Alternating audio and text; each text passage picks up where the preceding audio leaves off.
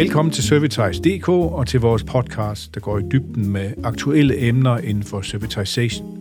Vores podcast henvender sig til direktører og servicechefer i små og mellemstore fremstillingsvirksomheder. Det er typisk øh, underleverandører til industrien for eksempel, der gerne vil vide noget mere om, hvordan man booster sin virksomheds serviceforretning. God fornøjelse. Hvad er egentlig det smarte i et smart produkt? Altså det smarte kan typisk øh, sådan groft sagt være fire ting. Det ene, det første, det er, at produktet indeholder en eller flere sensorer, der samler forskellige data ind fra omgivelserne. Det næste, nummer to, er, at dataene, der bliver samlet ind, de bliver sendt videre til en modtager. Og så er produktet også typisk forsynet med en eller anden form for regnekraft for at processere de her sensordata og for at sende dem videre. Og så til sidst, det siger måske sig selv, men i hvert fald det er på nettet, det her produkt. Og dermed er det koblet op til andre produkter og systemer at kunne kommunikere og på andre måder koordinere med dem. Og den type produkter, hvis man kigger nærmere efter, så fremler de jo frem alle vejene. De er komplekse, de er avancerede, de er på nettet, de er intelligente, kan man sige. Men hvordan er det egentlig lige, man tjener penge på dem? Og det er så altså det, dette afsnit af vores podcast-serie skal handle om. Vi stiller skarpt på IoT og sensorvirksomheder og på virksomheder, der arbejder på at gøre deres produkter smart og opkoblet. Og for at gøre os klogere på det emne, har vi to eksperter i studiet. Den ene er Servitize-konsulent Andrew Hoff, og den anden det er direktør i virksomheden Rail Monitor, Torvald Hoer. Velkommen til jer begge to. Tak skal du have. Tak skal du have. Torvald, og før vi lader dig sige lidt om, hvad Rail Monitor laver, og hvad I har fået ud af et øh, transformforløb i regi af Servitize, så vil jeg lige spørge dig, Andrew. Kan du lige kort rise op, hvilke udfordringer er der typisk omkring et IoT-produkt? Ja, som du nævnte, så kan IoT-produkt jo være mange ting, altså lige fra en enkelt sensor til en mere kompliceret maskine med mange sensorer. Ens for begge dele, som du nævnte, det er, at de er koblet til nettet, der opsamles data, som leveres tilbage til kunden i en mere eller mindre bearbejdet form. Og det er rigtigt, som du har nævner, at, at der kan være flere udfordringer. En af udfordringerne, vi ofte ser, især for sensorløsningerne, det er, at det kan være svært at skalere til andre områder end lige nøjagtigt den specielle løsning, at den er, eller situation, at den er udviklet til. For en hel del sensorløsninger, der er ofte tale om specialløsninger, og som giver rigtig meget værdi lige nøjagtigt til det område, den er, er udviklet til. Det kræver en masse ekstra at skalere løsningen til flere anvendelsesområder, og dermed også til et bredere publikum. En anden udfordring kan være, at man som IoT-leverandør ofte skal finde sin plads i sådan et større system af produkter. For eksempel øh, arbejder man inden for landbrugssektoren, så har man udviklet en IoT-løsning til en specifik anvendelse. Så skal outputtet, altså de her sensordata, helst integreres med eksisterende større systemer. Det kan for eksempel være et farm management system, hvor farm management systemet egentlig fungerer som en generel platform til at holde styr på en række specielle systemer. Det er jo sådan, at kunden helst vil se et sted hen, og det handler herom egentlig at undersøge, hvilke produktplatforme eller produktfællesskaber man skal indgå i. Og det kan generelt være sådan, at der er meget få produktplatformejere, og så er der mange leverandører ind til de her platforme. En tredje udfordring er at skabe værdi for kunden med de data, man opsamler. Øh, data bliver jo først rigtig værdifuld, når man omformer dem til, til viden, man kan handle på. Hvis data kan forklare hvad eller hvorfor der er noget, der er sket, så kan man forbedre eller forhindre det skete. Øh, så her er data lige med information. Der, hvor det bliver interessant, er, når løsningen kan begynde at levere viden, det vil sige, at man kan begynde at forudse, hvad der vil ske. Så kan man begynde at optimere kundens processer, man kan undgå uheld eller dyre produktionsstof. Det kræver ofte, at den indsamlede viden kommer fra flere applikationer, og så begynder man egentlig at tale om machine learning og kunstig intelligens. IoT-løsninger sælges ikke på teknologien, men den viden, som den kommer fra de opsamlede data. Okay, det er jo interessant, så vi snakker egentlig både om data, der, øh, der bliver produceret af de her forskellige øh, sensorer, og så selvfølgelig teknologien omkring dem. Så det er begge dele. Torvald, I har udviklet nogle forskellige sensorer og software, der overvåger jernbaneinfrastruktur. Altså det er spor, sporskifter og jernbanedæmninger og andet, der har Øh, på forskellige ledere og kanter med togdrift at gøre. Kan du ikke lige øh, fortælle lidt om din virksomhed og baggrund omkring den?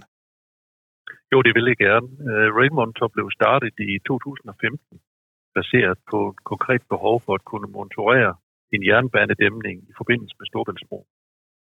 Man har et ønske om at automatisere overvågning af sporets beliggenhed med trådløse sensorer, der løbende øh, sender data i realtid til en cloud-baseret eller cloud-server, øh, hvor databehandlingen foretages. På den baggrund af specialudviklede algoritmer blev der så sendt notifikationer, når der skete ændringer i sporet, der kunne få indflydelse på togdrift. Med denne løsning var Rail Monitor first mover i forhold til at digitalisere kritisk infrastruktur og tænke realtidsdata ind i ydelserne. Derfor blev det også starten på en spændende rejse med at finde og udvikle de bedste sensorer på markedet og forbinde dem trådløst til en dataplatform, hvor databehandlingen kunne foregå. Der er mulighed for at anvende vores trådløse øh, tilstandsmonitorering til alt kritisk infrastruktur. Men hvis vi skulle være de bedste på markedet, blev vi ret hurtigt klar over, at øh, vi var nødt til at fokusere på jernbaneinfrastruktur alene, fordi markedet var kæmpestort inden for den brede anvendelse. Til gengæld øh, så vi også, at der worldwide var et behov for disse løsninger, altså at markedet for disse løsninger var meget stort. Sidenhen er der udviklet flere produkter baseret på kundens behov. Redmonter har i dag to produktområder, eller produktlinjer, øh, henholdsvis øh, Trackbed øh, 360 og Track Switch 360, som vi kalder dem. Trackbed 360 består af en række forskellige sensorer til at måle på henholdsvis skinner og ballast. Ballasten, det er jernbanedæmningen. Og Track Switch 360, som består af en række forskellige sensorer til at måle på sporskiftet, som er den mest kritiske komponent i jernbaneindustrien. Okay, så fik vi lige et godt indblik i, hvad I går og laver i uh, Rail Monitor. Um, I uh, deltog i et transformforløb i regi af Servitas.dk, jeg tror det var i 2019. Kan du sige lidt om, hvorfor I gjorde det, og hvad I fik ud af det? Øh, udgangspunktet øh, dengang øh, var en forretningsmodel, hvor vi solgte sensorer og udstyr, og så solgte et abonnement på selve dataplatformen. på trods af det store potentiale i omkostningsreduktion ved at anvende sådan et udstyr her, har det været svært at komme igen til kunderne, som skulle lave en stor initial investering. Det var besværligt gjort af, at det var et umodent marked, vi som first mover kiggede ind i. Transformforløbet gav os mulighed for at kigge på forskellige forretningsmodeller og kigge nærmere på, hvordan forskellige kundegrupper ser på vores produkt og den værdi, det kan give dem. For eksempel har kunden forskellige behov, alt efter om man skal bruge udstyret kortvarigt eller permanent. Der er også stor forskel på, om vi tilbyder vores løsning som en underleverance til entreprenører, eller om vi taler direkte med infrastrukturejerne. Ved at se på markedet, branchen og kundernes behov, og se på, hvilken produktsystem øh, løsning skal indgå i, gav det et anderledes syn på ydelsen, der skal leveres og hvem der er målgruppen i kundens organisation. Det vil sige, hvem det skal sælges ind til, og hvad der er den samlede løsning. Det blev derfor hurtigt besluttet at gå over til en legemodel, og så forfine den fremadrettet. Okay. Så I har fået et mere, hvad skal man sige, øh, facetteret indtryk øh, af jeres kunder og overblik over jeres kunder. Okay, godt. Det er helt klart. Mm. Det var et afklaringsforløb. Andrew, hvis vi lige kigger lidt øh, væk fra øh, Rail Monitor og på nogle virksomheder, der ligner, kan du give os nogle eksempler på, på virksomheder, der på samme måde har udviklet IoT-sensorprodukter, og som indgår i sådan nogle større økosystemer og produktfællesskaber, øh, ligesom dem Torvald han lige øh, fortalte om? Ja, øh, det, det vil jeg gerne. Øh, der, der findes øh, for eksempel en virksomhed, som hedder Skov, som har opbygget sådan et produktsystem til fjerkræ og svineproduktion, som indeholder blandt andet øh, sådan ventilationssystemer, foder, vejrceller og, og andre komponenter. Og der er der udviklet en platform, et farm management system, hvor der løbende samles data for egentlig at hjælpe landmænd med at holde styr på sådan en kompleks produktion. De data, eller de store dage, mængder data og viden, som Skov opsamler, hjælper så og understøtter landmænd til sådan konstant egentlig at fastholde og sikre en optimal drift, og så også en løbeoptimering af produktiviteten. Et andet eksempel kunne være Bramidan, som producerer ballepresser til blandt andet supermarkeder, hvor de komprimerer papkasser. Her indgår Bramidan sådan i et større økosystem omkring recirkulering af pap. De data, der opsamles fra ballepresserne, bearbejdes til viden, der optimerer dels brugeren af udstyret, øh, eller brugen af udstyret, og dels sikrer sådan bedst mulig service så det egentlig holder længere og fungerer bedst. Og så også til en kommunikation med andre dele af, af det her økosystem, altså leverandører og samarbejdspartnere, eksempelvis vognmænd, som så rettidigt kan hente det genbrugspap, og så samtidig sikre sådan en optimering af vognmandens rute, så det ikke kører tomt. Hvor man i Skovs tilfælde øh, taler om et produktsystem med sådan en vidensplatform bygget ovenpå, så kan man sådan egentlig sige, at Bramidan, det taler man mere om en vidensplatform til sådan et økosystem med udgangspunkt i et produkt, som, som man har ligesom sådan to lidt forskellige vinkler. Mm. Uh, Torvald, uh, sådan som jeg har forstået det, så har transformforløbet sendt jer ud på en strategisk rejse, kan man vel godt kalde det, som ikke kun handler om markedsudvikling, men i høj grad også om produktudvikling. I har defineret nogle trin, jeg tror det er tre trin i jeres forretningsmodel rejse. Kan du fortælle os lidt om de tre trin, og hvilke tanker I har gjort jer omkring dem? Ja, det kan jeg. Projektet har resulteret i skitsering af tre trin forretningsmodelrejse, som Redmonter er ude på i dag. Øh, det første trin er en øh, forretningsmodel, en løsning, hvor man beskriver øh, for kunderne, hvad der skete på installation. En ydelse, der sker på baggrund af historiske data. Den anden, det andet trin er at kunne beskrive årsagen til, at hændelsen er sket. En analyse af de historiske data, og derpå kunne beskrive, hvorfor det skete. Og det tredje trin vil være, at Railmonitor kan forudsige, hvad der vil ske. Det vil sige på grund eller baggrund af at anvende kunstig intelligens og machine learning. Disse tre trin udgør nu en væsentlig del af den forståelse, Railmonitor har af den værdi, som virksomheden leverer og på sigt kan levere til kunderne. Den løsning, vi startede med at udvikle efter etableringen af trin 1, og arbejder nu på i mere eller mindre omfang at udvikle og tilbyde trin 2 og 3. De store penge ligger absolut i at kunne tilbyde trin 2 og 3. Okay, godt. Torvald, han snakker om store penge. Andrew, skal vi ikke blive ved med at snakke om store penge? øh, fordi altså, temaet for denne podcast, den er jo altså, hvordan sælger man en IoT-løsning?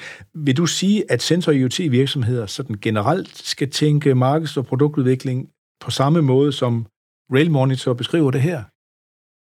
Jamen, øh, det er jo et stort spørgsmål. Ah, det er sådan lidt svært at, det er svært at svare sådan entydigt på, men øh, øh, det kommer rigtig meget an på, om, om man kommer sådan med et nyudviklet IoT-produkt, eller om man har et eksisterende produkt, hvor man så putter en IoT-løsning ovenpå. Og så handler det også om, øh, som vi ser nogle gange, at øh, der er rigtig mange nystartede virksomheder, som ikke har den her brede øh, markedskendskab, og så er der så også etableret virksomheder, som egentlig løser nogle af tingene ud for et meget bredt markedskendskab. Så det er lidt uh, svært øh, spørgsmål, men hvis vi nu tager Rail Monitor, så startede Rail Monitor, som Torvald også har nævnt, det med udgangspunkt i meget konkret kundeforspørgsel, og udvikle så en løsning til lige nøjagtigt det kundebehov, der var.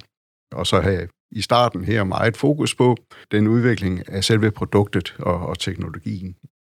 Så Raymonitors ønsker om at skalere forretningen har fået dem til sådan radikalt at ændre fokus på at skabe værdi ud for den viden, at de opsamlede data kan give. Og som, som også er nævnt, så har det været svært at sælge IoT-løsning, primært på teknologien. Det, der skabte sådan for alvor en stor interesse og værdi, det er, når de her opsamlede data begyndte at blive omformet til viden, som den her konkrete kunde så kunne handle på. En anden ting, der er væsentligt at bemærke, sådan også i Rain Monitors tilfælde, så i starten havde man jo fokus på kundens behov og den specifikke løsning. Men de har efterfølgende sådan egentlig haft et større fokus på, hvilket produktsystem sådan løsningen egentlig indgår i, altså sådan lidt mere holistisk, øh, hvilket har givet sådan en rigtig god mening, og læner sig meget op af de to tidligere nævnte eksempler, sådan Skov og Bramidan, hvor, hvor de har opbygget et henholdsvis et produktsystem og en, og en videnplatform. Jeg tror, at det, det er vigtigt at holde øje med den her udvikling af de her økosystemer i de forskellige segmenter. Så hvis man er en platformejer, eller hvis man er en produktleverandør til sådan en platform, så har det jo sådan meget stor indflydelse på, hvilke forretningsmodel man, man egentlig går ind med. Så sådan det, det konkrete øh, svar på det spørgsmål, det, det, det bliver nok sådan lidt utydeligt. Okay. Torvald, er det noget, du gerne vil supplere med? Ja, det er det, det er jo helt korrekt, det andet, du øh, siger. Fordi, og derfor vil jeg gerne supplere med, at Railmont også har fundet sin plads i markedet. Vi troede i starten, at vi øh, kunne udvikle en selvstændig softwareplatform, der kunne stå alene. Og det kunne den også, når vi leverer øh, til primært entreprenørerne. som er dem, der anvender løsningen midlertidigt. Hvorimod, når vi leverer ind til infrastrukturejerne, som har det lange lys på, kan bruge det i rigtig mange år frem og bruge det øh, til hele deres infrastruktur, som er meget bredt, så leverer vi ind til et økosystem, og disse økosystemer dækker sig hele paletten for monitorering på jernbaneområdet. Ja. Og det er selvfølgelig to helt forskellige ting, og det skal man som leverandør tage højde for, det er klart. Tak til jer to, Andrew og Torvald. Ja, velbekomme. Ja, tak for at køre jer er også lidt klogere på, hvordan man sælger en IoT-løsning. Lyt med på de andre podcasts i vores serie om serviceudvikling. Der stiller vi skarpt på, hvordan man udvikler output-relaterede services, hvorfor virksomheder ofte har svært ved digital innovation, og hvordan man udvikler smart maintenance-koncepter. Er du interesseret i at få din virksomhed med i et transformforløb i regi af Servitas.dk, så tag fat i os. Kontaktinformation finder du på vores hjemmeside. Tak fordi du lyttede med.